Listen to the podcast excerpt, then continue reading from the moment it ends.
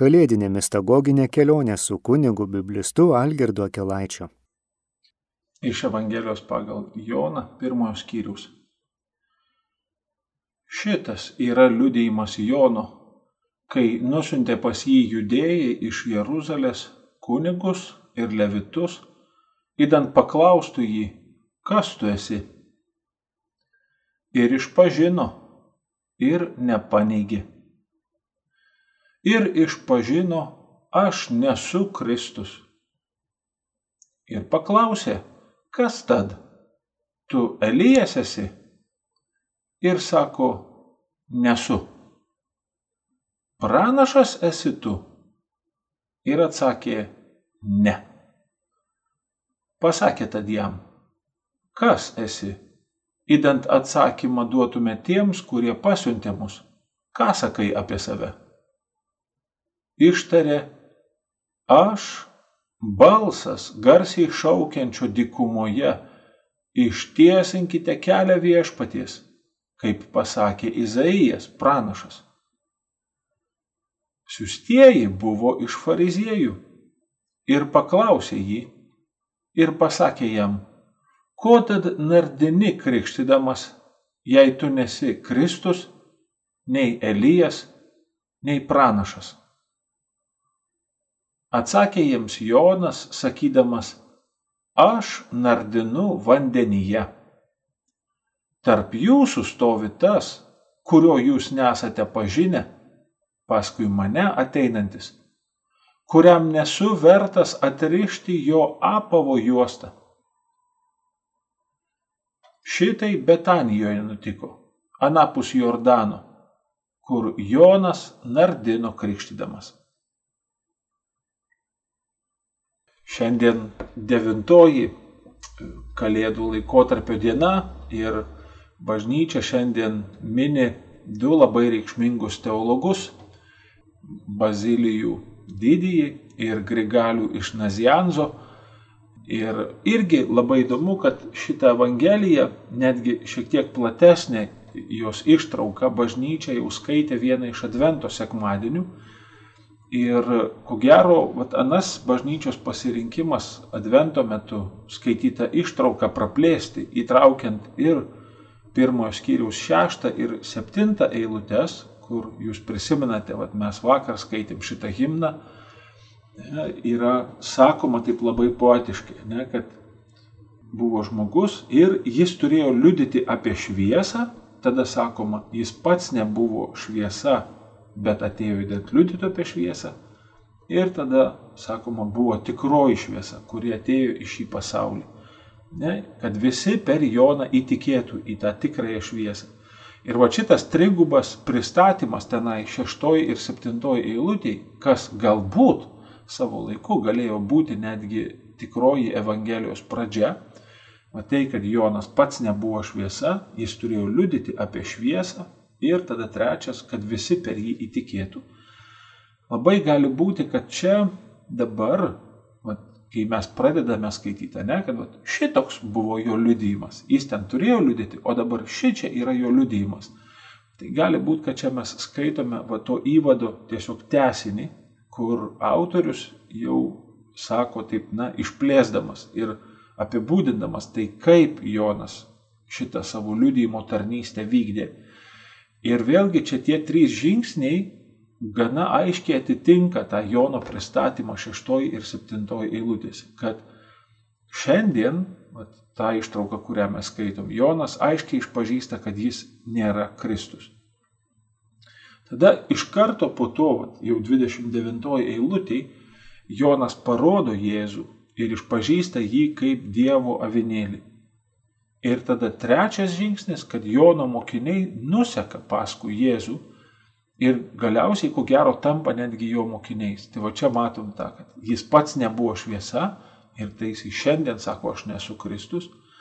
Tada jisai turėjo paliudyti apie šviesą ir jisai liudė apie Jėzų kaip apie Dievo vinėlį. Ir tada galiausiai, kad visi įtikėtų per Joną, tai va jisai atiduoda Jėzui net ir savo mokinius. Ir apskritai tas liudyjimo veiksmas, na, iš kurio mes dabar taip trupučiuką bažnyčiui tokį šiek tiek, na, aš taip sakyčiau, tokį fetišą esam šiek tiek padarę, labai, na, įsitikinę esam, kad vat, liudijimas tai geriausia tarsi tokia forma skelbti Jėzų. Ir iš tikrųjų nei mes labai čia mokam, kaip reikėtų liudyti, nei iš tikrųjų paruošiam tos žmonės, kuriuos vėliau ten išstumėm liudyti. Ir ten labai dažnai viskas baigėsi kažkokiam gyvenimo istorijų pasakojimais, o ne iš tikrųjų Kristaus liudijimu. Ir vis dėlto Jono Evangelijoje šitas liudijimo veiksmas jis yra esminis. Todėl, kad Dievas, na, Jono Evangelijoje ypatingai, bet iš tikrųjų ir visam Naujajam testamente tai, ką mes matome, kad Dievas Kristuje apsireiškia slėpiningai ir anaip tol jis nėra toks jau, na, taip pigiai atpažįstamas net ir Jėzuje, kuris jau yra pats tobuliausias apreiškėjas, vis dėlto, na, va, Dievo tas apsireiškimas yra slėpiningas. Ir Mat Jono Evangelijoje tai šita jungtis yra akivaizdi, kad šitas slėpiningas apreiškimas, jis turi būti palydėtas vat, šito liudyjimo veiksmo, nes tai yra būtina, kad Dievas galėtų būti atpažintas, kad tas, kuris susiduria su šitą Dievo tikrovę, jisai būtų tarsi nukreiptas tinkama linkme, jam būtų pasiūlyta tinkama šitų slėpiningų įvykių arba žodžių interpretacija. Ir, na, vat, ta tokia apklausa Jonų, kurią mes čia šiandien skaitome, jinai iš tikrųjų turi tokį labai juridinį atspalvį, bet ko gero Jono Evangelijoje žymiai svarbiau teologinė žinia. Bet vis tik tai Jonas, jisai yra liudytojas šiandienos Evangelijoje Ir šito liūdėjimo pats pirmiausias turinys tai yra išpažinimas. Vat mes skaitome, ne, kad šitas yra liūdėjimas Jono, kai nusintė pas jį judėjai, ne, jis išpažino ir nepaneigė. Ir dar kartą net pabrėžiama. Ir išpažino, aš nesu Kristus. Žodžiu, kai šitą Evangeliją mes skaitėme Advento metu, tai tada jo, tada aišku, kad pas liturginis laikas tarsi kvietė akcentuoti šitą Jono atpažinimą, kas jis toksai nėra. Na, va, tarsi, kad Jonas labai na, aiškiai suvokia savo misiją ir jis iš tikrųjų na, yra tarsi toksai paruošėjas. Jisai yra tas, kuris parengia tautą Kristui.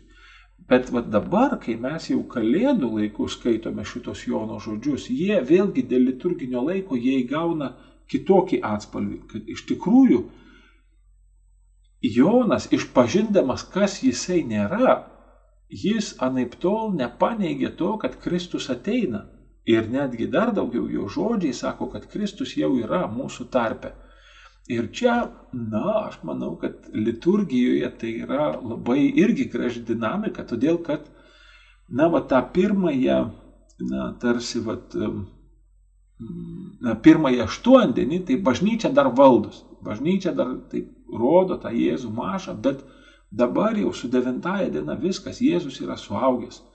Jėzus jau yra mūsų tarpe kaip mokytojas, kaip tas, kurį po to Jono mokiniai jau nuseks. Čia pat, vat, už, už vienos eilutės, jie jau pasileis paskui šitą mokytoją Jono, tarsi pastumėti po jo išpažinimu. Na, va, tai čia, ko gero, iš tikrųjų, va, tas Jono žodis, kad Jėzus jau yra tarp jūsų kaip mokytojas ir kaip Kristus, jisai labai svarbus ir šiandienos bažnyčiai. Tai yra va, toksai postumis bažnyčiai, tam tikra prasme jau stotis nuo prakartėlės. Taip, prakartėlė jinai yra skirta va, tam laikui, tam pirmajam aštuondieniui, bet dabar Kristus prakartėlė jau yra išaugęs, jis jau yra savo viešojo tarnystėje. Ir va tai, kad Jonas sako, aš nesu Kristus, bet Kristus jau yra jūsų tarpe, Tai yra postumis ne tik tiems, kurie šitą apklausą vykdo, bet drauge ir, aišku, bažnyčiai. Tai yra labai aiškus signalas, kad, na, toksai tarsi tas jautrusis ir jaukusis kalėdų laikas yra pasibaigęs. Ir aišku, kalėdų metas, na, jis anaip tol dar, tik sakyčiau, na, taip įgauna savo pagreitį. Ir aišku, kad mes dar turime, na, tos mistagoginės kelionės dar gerą šmotą, bet iš tikrųjų va, tas išpažinimas Jėzaus, kurį Jonas šiandien vykdo, jis aišku yra labai svarbus ir bažnyčiai. Ir tą mes matysime šiandienos ištraukos analizėje. Nes, na, vat, galim taip sakyti, kad, na, vat, žodis, ne, vat, kad reiškia, aš išpažįstu Kristų. Tai tas ruošimas tautos, ne, vat, kas yra tarsi Jono tarnystė, jisai niekur nesibaigė, bet net ir šiandien Evangelijoje mes galim suprasti šitą, net ir jo apklausą ir jo atsakymus, kaip vis dar to tautos ruošimo, na, tesinį. Ir vad ką jisai ruošia.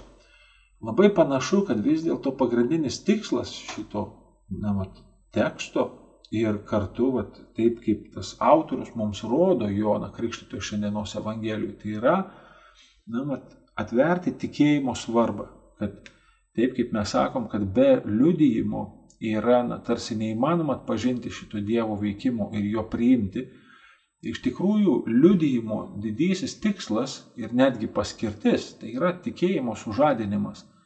Ir va čia, na, va, ko gero mes atrandame tai, ką galime taip skambiai pavadinti. Ne, va, bažnyčia visą šitą laiką, jinai sako, aš švenčiu iškilmę.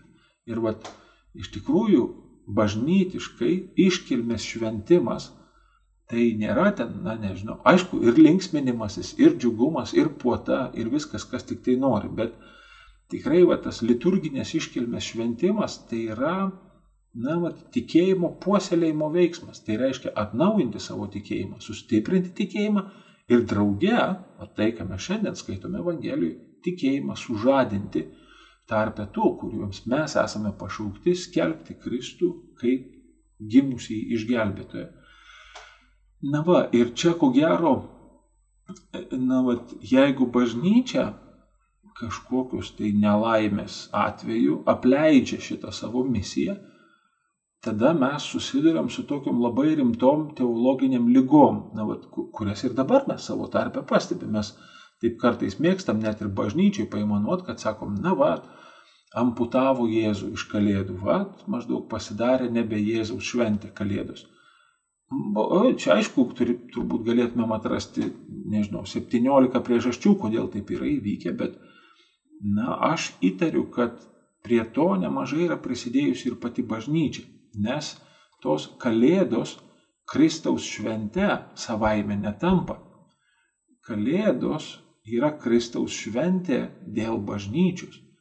Ir jeigu mes kaip bažnyčiai iš tikrųjų, na, vat, nustojame švęsti Kalėdas kaip Kristaus įvykį, o pasiduodame, na, nežinau, ten madoms, įpročiams, dar kažkokiam gal, na, populiarumo siekimui, savirealizacijai ir pradedam daryti dalykus, kurie su krikščionybė nelabai ką turi bendro, tada tikrai pasaulis pradeda švęsti Kalėdas be Kristaus Ir, na, aš manau, kad net ir bažnyčioje yra nemažai žmonių, kuriems tos kalėdos baigėsi ten po kūčių ir pirmos kalėdų dienos. Tai čia, man atrodo, irgi labai rimtas toksai iššūkis, va tas Jono tarsi mesta tokia pirštinė, ne, kad va, jisai tą misiją ruošti viešpačiui tautą, jisai prisėmė su visų rimtumu Ir mums ta misija, jinai skamba taip gal labai keistai, kad tas iškilmių šventimas, tai va, mūsų šito laiko misija dabar yra, bet iškilmė šventimas tikėjimo atžvilgių, kad reiškia ir mums patiems savo tikėjimą atnaujinti, bet drauge ir šitą tikėjimą žadinti savojų išpažinimu.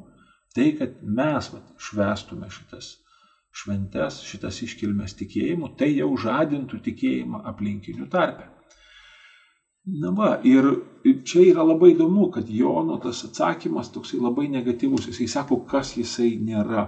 Ir man atrodo, kad mums net ir bažnyčiai labai taip irgi na, svarbu atpažinti, nes na, ne, matyti ten buvo tikrai toks lūkestis, ne Jonas gyveno labai tokį ypatingą sketinį gyvenimą ir ko gero, kad na, buvo toksai lūkestis net ir jo amžininkų tarpe, kad galbūt Jonas yra iš tikrųjų Kristus Ir jisai atmeta va, šitos lūkesčius, sakydamas, aš, aš nesu Kristus. Ir tą vat, Jonas, ypatingai evangelistas Jonas labai pabrėžia tą evangelijų keistą sakinys toksai, ne? Jis išpažino ir nesigynė ir išpažino, aš nesu Kristus. Na, va, ir čia man atrodo, kad net ir bažnyčiai, va, šiandien kažkaip sugebėt, na, tarsi palikti ir atsisakyti. Tų dalykų, kurie ne, na, visiškai ne, nepriklauso bažnyčiai, bet kurių galbūt na, žmonės tikėtųsi iš bažnyčios ir norėtų, va, tarsi sulaukti bažnyčiai. Na, va, tai čia šitas toks Jono atpažinimas, kas jis nėra ir išpažinimas, kas jisai nėra, man atrodo, yra labai svarbus šiandien. Ir Jonas, jisai nesieja savęs nei su Elyju, nei su kuria nors pranašiška figūra. Ir čia ko gero vėl na, taip galėtumėm sakyti, Jonas pats labai puikiai atpažįsta savo unikalumą. Ir čia yra dar vienas ženklas, kad jis labai aiškiai supranta, kad Kristus jau yra šičia. Ir dėl to jo Jono krikštytojo nebeįmanoma palyginti su niekuom kitu, nes iki tol nėra buvę Kristus. Kristus pačiu savo ateimu, jisai daro šitą laiką unikalų Ir kiekvienas, kuris yra pašauktas vat, būti tuo Kristaus bendražygiu, būti tuo Kristaus, na, vat, tokiu tikrai bendra autorium Dievo karalystės ir būti galiausiai tos Dievo karalystės piliečių, jis iš karto tampa unikalus.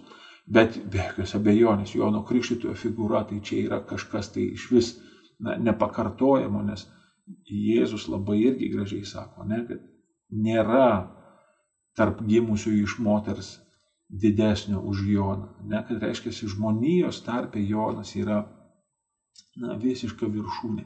Ir vis dėlto, nesako, Dievo karalystė, net ir mažiausias Dievo karalystė jau yra didesnis už jį. Ne, nes iš tikrųjų Jonas yra tas, kuris atvedė iki Kristaus. Bet į Dievo karalystę mus įvesdina Jėzus, kuris yra Kristus, Dievo sūnus, gimęs mums šiandien.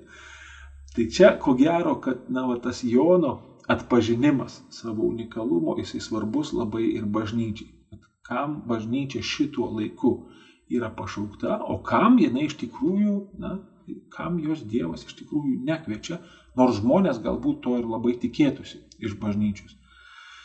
Ir dar įdomiau, kad šiaip jau na, vat, Evangelijose mes taip gana esame įpratę galvoti, kad Jono, figu, Jono Krikščito figūra yra siejama su Alyju. Bet atidžiau pažiūrėjus į evangelinę tradiciją, tai mes matom, kad tik tai Morkus ir Matas. Vat Matas ir Morkus jie gana aiškiai sieja pagal Malachijo knygą, Malachijo knygos pabaigą, jie sieja Joną Krikštytoją su Elyju. Bet vat, Lukas, pavyzdžiui, jisai jau nesako, kad Jonas yra Elijas. Jis tik tai sako, vat, pranašystė Gabrielius, kad Jonas eis su Elijo dvasia. Bet jau kad jis yra Elijas, ne.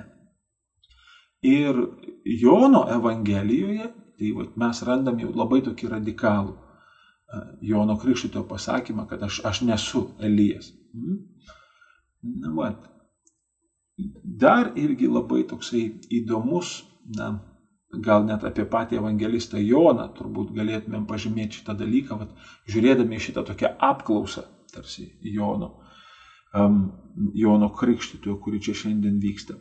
Ne vieną kartą mes pastebime, kad kai kurie įvykiai arba netgi temos, kuriuos mes randame sinoptinėse evangelijose, tai reiškia Mato, Morkaus ir Luko evangelijose, jie iš tikrųjų, na, tarsi net ir nepasirodo Jono Evangelijoje. Jono Evangelija labai ypatinga, jinai laikosi savo įvykių tvarkos, kai kuriuos įvykius pasako, kurių kitose trijose Evangelijose nėra ir taip toliau ir panašiai. Bet kita vertus, yra tokių ženklų, kad Jonas pažįsta sinoptinę tradiciją ir kad kartais įvykiai, kurie, kurie yra papasakoti kaip tarsi tokie, na, vienkartiniai įvykiai, Jono Evangelijoje tampa tiesiog tokiam teologinėm temom.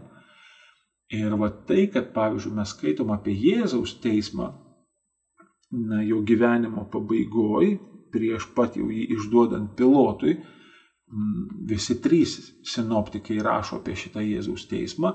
Jono Evangelijoje labai panašu, kad tai tampa tokia nuolatinė tema, tarsi visą Evangeliją persmelkiančių, na, va, tokių teiginių ir svarstymų kad tai tampa vienu iš Kristaus misijos bruožų.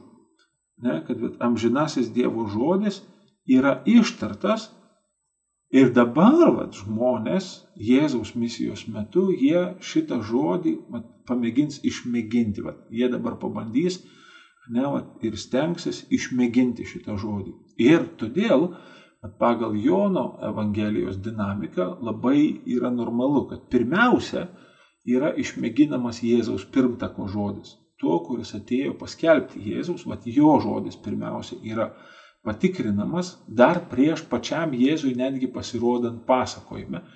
Ir čia tikrai irgi Evangelijose mes nekartą susidurėm su tuo, kad Jonas Krikštytojas tampa tokiu Jėzaus provaizdžiu, netgi vat, ir pačia savo tokia beprasmiška ir smurtinė mirtimi. Jisai irgi vat, pranašauja tą Jėzaus gyvenimo pabaigą Evangelijoje. Ir vis dėlto tai, ką Jonas pasako apie save, irgi, man atrodo, yra labai reikšminga. Ir čia vėl toksai Jono Evangelijos unikalumas, nes šiaip jau šitą Izaijo 40 skyriaus trečia eilutė, jinai visos Evangelijos yra pacituota, balsas šaukiančiojo. Ne? Bet tik tai Jono Evangelijoje šita citata nuskamba Jono Krikštitojo lūpose. Visur kitur šitą tekstą sako autoriai, ne, ir autorius be abejo, jo žodis labai toksai yra, na, jo, autoriaus žodis autoritetingas, tautologija tokia, bet na va tai, kad mes čia šiandien randam šitos žodžius Jono Krikščitojo lūpose, tai yra tikrai va toks, na, matyt, labai ilgo svarstymo ir labai tokio mėginimo suprasti, o kas aš esu. Atpažinimas ir galiausiai Jonas Krikštas šitą kelionę svarstymo nuėjęs, jisai galiausiai sugeba pasakyti, šitą dalyką labai taip, na, kai jo galiausiai prispiria jį ir sako, tai ką tu apie save gali pasakyti, neneigdamas, jisai sako, aš esu balsas.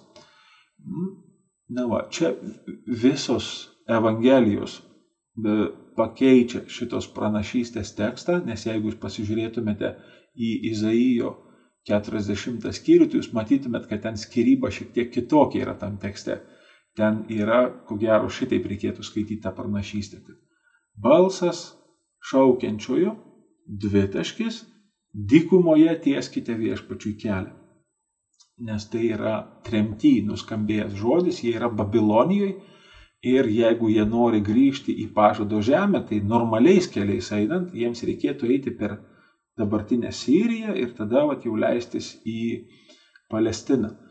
O tenai tremty pranašas sako, dykumoje tieskite viešpačių kelią. Reiškia, šaukite tiesiai, be jokių užuolankų, ne, varykite tiesiai pačiu trumpiausiu keliu.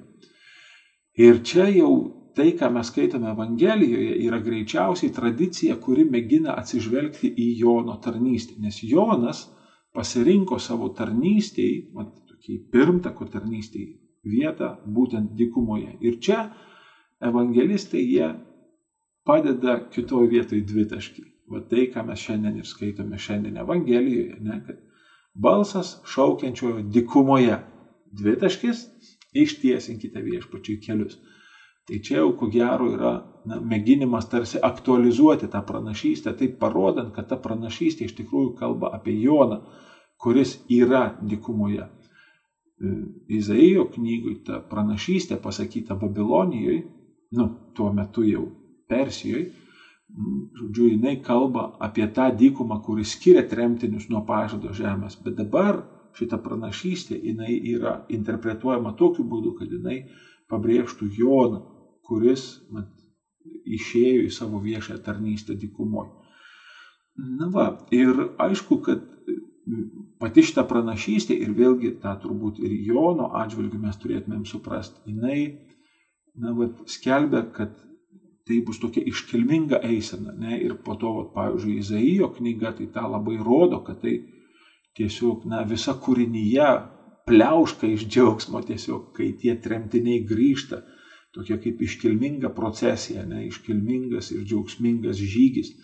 Tai ten tiesiog kaip naujas išėjimo įvykis, kurio kūrinyje tarsi na, sukūriama iš naujo vos ne. Dėl to, kad iš tikrųjų Dievas atkuria savo tautą Ir čia labai panašu, kad Jonas labai irgi suvokė šito momento iškilmingumą ir jisai save interpretuoja kaip tokį, na, va, šitos procesijos šauklį, tą, kuris eina tam, kad paskelbtų, jog šitas žygis jau jisai prasideda ir kad dabar ruoškitės visi, nes ateina tas, kuris pats svarbiausias šitoj eisenoj. Na va, ir tada aišku, yra labai įdomus dar tas fariziejų klausimas, nes labai panašu, kad jie interpretuoja Jono Krikštą kaip tam tikrą mesijišką veiksmą. Ne, jie sako, tai va jeigu tu pats nesi Kristus, tai kodėl tu krikštyji tada?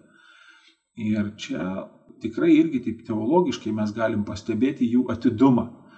Ne, nes Jono Krikštas, kuo jisai buvo skirtingas šiaip nuo daugybės visokių ritualinių apsiplovimų judaizme, kurių buvo daugybė. Jono Krikšto išskirtinumas yra tai, kad šitas krikštas yra vienkartinis, jis nėra kartojamas Ir šią prasme Jonas labai aiškiai liudija, kad na, jisai daro tokį laikų pabaigos veiksmą. Tai yra vieną kartą atliekamas veiksmas, kurį tu arba padarai, arba nepadarai. Ir tai, ko gero, sukelia va šitą tokią na, interpretaciją fariziejams atėjusiems tenai, kad šitas veiksmas yra mesijiškas. Ir va, kodėl tu dabar darai šitą va, mesijišką veiksmą, jeigu tu pats nesi mesijas, jeigu tu pats nesi Kristus. Na, va, tai čia man atrodo, kodėl aš sakau, kad tai yra svarbu, nes čia irgi daug žiūrėti nereikia. Kad tiesą sakant, iš visų taip, na, bažnyčios tokių tarnyščių, tai mes tikrai galime drąsiai sakyti, kad šiandien Lietuvoje bažnyčia yra tapusi tokia, na, krikštienčia bažnyčia. Vat, ne, nu, vat, mūsų, aš tą krikštientį, tai taip sakau, trupučiuką kabutėse, kad vat, na, mūsų vat, sakramentinis sakramentinė tarsi praktika šiandien bažnyčioje Lietuvoje yra ypatingai pabrėžiama ir nu, mes iš tikrųjų taip galime į visą Europą žiūrėdami sakyti, taip, pas mus tikrai, ne, mes lenkiame Europą ten žmonių skaičiais, kiek pas mus eina iš pažinties, kiek pas mus eina ten komunijos, kiekvieną sekmanį, tai mes čia nu, tikrai, kaip rusai sako, perėdi planetą visiai, nu, bent jau Europos kontekste, tai mes tikrai daugybę tų valstybių kurios jau toliau yra nuėjusios sekularizacijos keliu, mes daug iš jų lenkiame. Ir tarsi ta sakramentų, na, va, tokia teologija, sakramentų pastoracija Lietuvoje, jinai visai, sakytume, galbūt neblogai laikosi.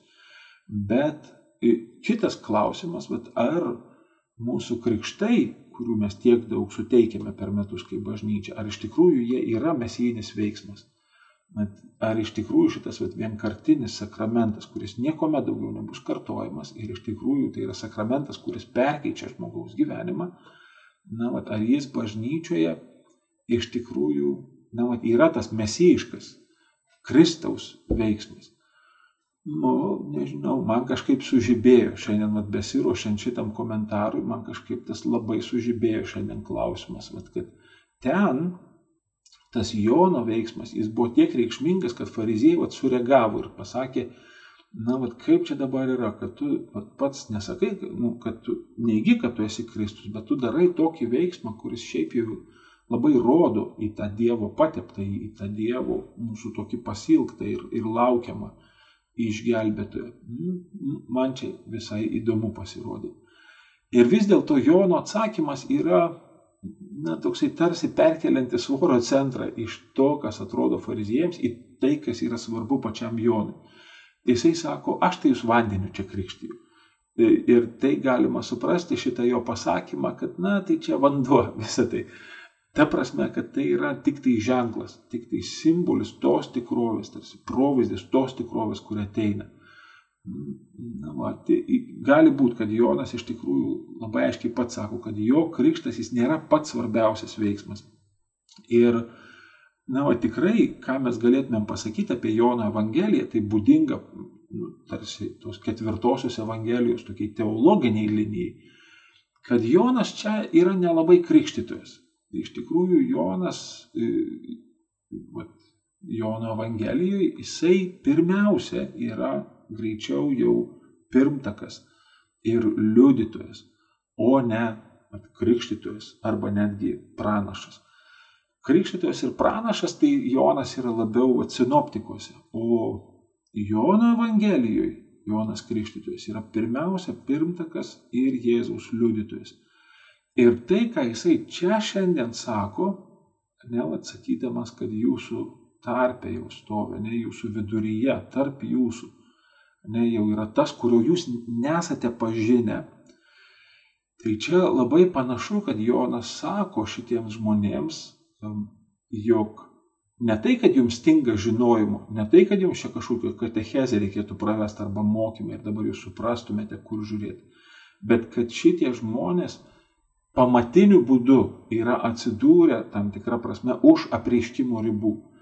Ir mes nekartą matysime Jono Evangelijoje tokias situacijas, kai na, tam žmogui yra tiesiog aiškiai sakoma, nu, kad nu, yra be šansų. Tu prasme, čia tu ką nori, čia gali bet kokius ženklus ir stebuklus daryti, vis tiek tau šitas žingsnis yra neįveikiamas.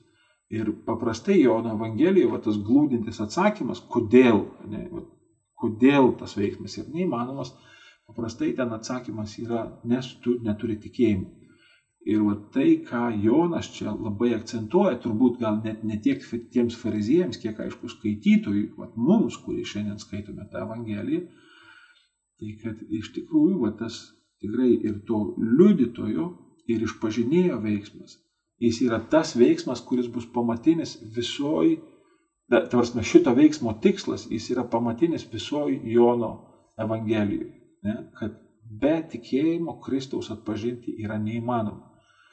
Ne? Vat yra, mes matom tarsi visą tokią grandinę įvykių, ne? Vat, kur slypi tas sėkmingas susitikimas su Kristumi. Vat, kaip atpažinti tą slėpiningai apsireiškiantį Dievą Kristuje. Kad vis dėlto yra būtina ta dabar jau bažnyčios tarnystė kaip skelbėjos ir liudytojos. Ir vis dėlto be tikėjimo, kuris yra visiška malonė, ne, ir kuris gal netgi slepiasi va tam himne, kai ten sako, ne, kad mes gavome malonę vietoj malonės Ne? Gali būti, kad ten ta malonė vat, ir yra suprantama kaip tikėjimo malonė, be jos iš tikrųjų visas šitas skelbimas būtų bergždžias. Jeigu Dievas nedovanotų tiems, kuriuos yra išsirinkęs, tikėjimo dovanos. Tai va, ir šitoj vietoj Jonas save labai įdomiai rodo, ne? jisai sako tokią keistą galbūt frazę, ne? kad aš nesu vertas jam atrišti apavo juostos na tai jie ten buvo apsevę tokiais sandalais, kurie būdavo pririšami prie kojos. Šiaip jau yra įdomu rabiniškoje literatūroje, kad apava, na, vat, nuauti šeimininkui, tai buvo vergo veiksmas. Ir, na, vat, net mokinys, jau kuris irgi toks būdavo, jau visai nusižeminęs prieš savo mokytoją, jisai nuo vergo tuo ir skyrėsi, kad vat, vis dėlto jau apava nuauti tai buvo nebe mokinio, bet vergo darbas. O Jonas save stato dar žemiau negu verga. Jisai sako, kad aš net nevertas būti to, kuris ateina vergu. Ir aišku, kad tai toks labai na, aiškus net ir bažnyčiai, na, va, toksai nuolankumo kvietimas. Nes malonės akivaizdu šitas nuolankumas yra būtinas. Tikėjimo mes savo jėgomis neįsigysime. Tikėjimo žmogus, jis negali nei užsitarnauti, nei įgauti, jis yra absoliuti malonė, jis yra Dievo dovana. Ir va, tą tikėjimo klusnumą vis dėlto šiandien bažnyčia labai gražiai derina, nes šiandien jinai kviečiasi tokios reikšmingos Evangelijos akivaizdui. Jinai kviečiasi du be galo garsus bažnyčios teologus. Šiandien mes juos liturgiškai minime, šiandien yra jų minėjimas. Tai Bazilijus Didysis ir Grigalius iš Nazianzo. Kodėl juos tokios Evangelijos akivaizdoje kviečiasi, čia turbūt yra keletas paaiškinimų, bet Aš pasakysiu tik tai vieną, man patį gražiausią. Abu du šitie bažnyčios tėvai dalyvavo Nikėjos susirinkime bažnytinėme, kuriame buvo nutarta priimti va šitą atnaujintą tikėjimo išpažinimo tekstą, va tą tik ilgesnį tikėjimo išpažinimo tekstą, kurį mes dabar irgi čia prieš keletą metų nusprendėme ir Lietuvoje na, va, vėl prisiminti ir jį liturgijoje visuomet kalbėti sekmadieniais ir liturginių iškilmių dienomis tą tikėjimo išpažinimą, kuris, na, vat, atėjus laikui ir tarsi jau susikristalizavus kai kuriems teologiniams teiginiams, paaiškėjo, kad to apaštalinio tikėjimo išpažinimo nebeužtenka, kad reikia atidžiau aptarti, kas yra šventoji dvasia, reikia atidžiau išvystyti kristologinės tenai linijas tam tikėjimo išpažinime. Ir va šitie du, kuriuos mes šiandien minime, Bazilijus ir Grigalius, jie du dalyvavo tame susirinkime. Tai čia, na, man atrodo labai gražu šį sekmadienį išpažįstant tikėjimą kažkaip prisiminti šitos du tikrai tokius titanus teologijos, kurie, vat, na, svarstydami tikrai labai su tokiu dideliu atsidėjimu, vis tik tai buvo tikėjimo mokiniai. Jie vat, vis tik tai ėjo tą pačią kelionę, kurią mes einame ir mes. Šiandienos bažnyčia mėgindami, na, vat, tikėjimu atsiliepti į tuos laiko iššūkius, su kuriais mes dabar susidurėme. Na tai va, ir čia va, tas tikėjimo klusnumas ir kita vertus, va, ta misija, kuri, na, tikrai kviečia labai tokiems na, ryštingiems veiksmams. Tai vad, kad bažnyčia iš tikrųjų šituo laiku yra išpažinėję ir jinai šituo laiku yra, na, vat, skelbėja Jėzus, netgi pranašautoja apie Jėzų. Nes kitaip mes rizikuojame, kad pasauliu liks nepaskelbta per šias kalėdas Kristaus gimimo žinia. Na, va, tai čia, ko gero, taip gali atrodyti, kad tai kažkaip labai skambu, kad čia kažkur viskas labai toli, bet, na, va, aš taip sakyčiau, nu, čia toli net nereikia žiūrėti, va, kur yra ta pranašiškoji dvasia bažnyčios.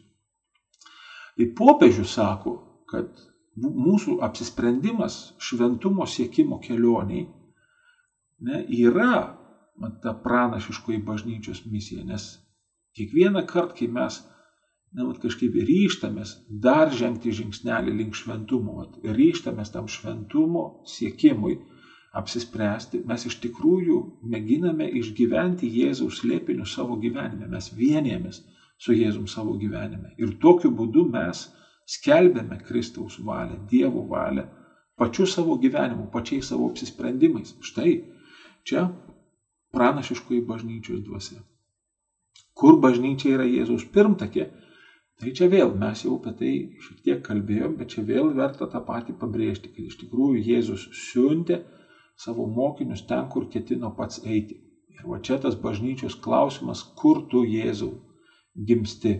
Ne, va, taip kaip tiems piemenims iš vakar dienos Evangelijos, kur mums reikia to apreiškimo, kur yra tasai, kuris gimė, kur mes turime skubėti, kad jį aplankytume. Tai va čia ta bažnyčios kaip tarsi pirmtakis Jėzaus misija.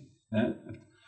Atpažinus, kur Jėzus yra, žengti jo tenai pasitikti, nes iš tikrųjų Jėzus Evangelijoje labai aiškiai jis siunčia savo mokinius prieš save ne, į tas vietas, kur pats ketina ateiti. Ir galiausiai, na, vat, kaip bažnyčia yra liudytoja, vat, kur tas bažnyčios liudymo veiksmas. Ir čia, ko gero, vis tiek pagrindinis atsakymas tai, kad tikrai tai yra liturgija. Mat, liturgiją vykdo pats Kristus. Liturgiją pats Kristus šlovina tėvą. Ir bažnyčiai yra leidžiama šitam šlovinime dalyvauti. Todėl kiekvieną kartą, kai mes dalyvaujame liturgijoje, netgi tokiu, sakykime, ten kreivu būdu, kai per tą e, liturgiją dalyvaujam, nežinau, prie televizijos ar prie kompiuterio ar prie mobilaus telefono ekrano, vis tiek mes dalyvaujame šitam šlovinime. Ir va tai yra turbūt pats pirmiausias liudijimas.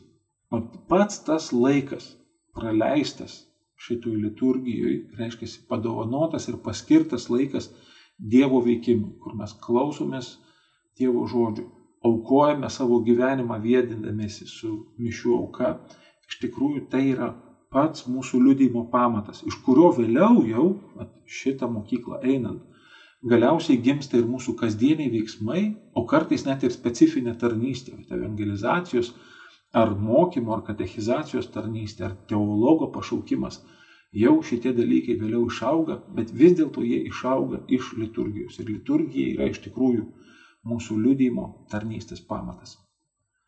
Garbėjai Jėzui Kristui. Kalėdinėje mistagoginėje kelionėje buvome kartu su kunigu biblistu Algirdu Kelaičiu.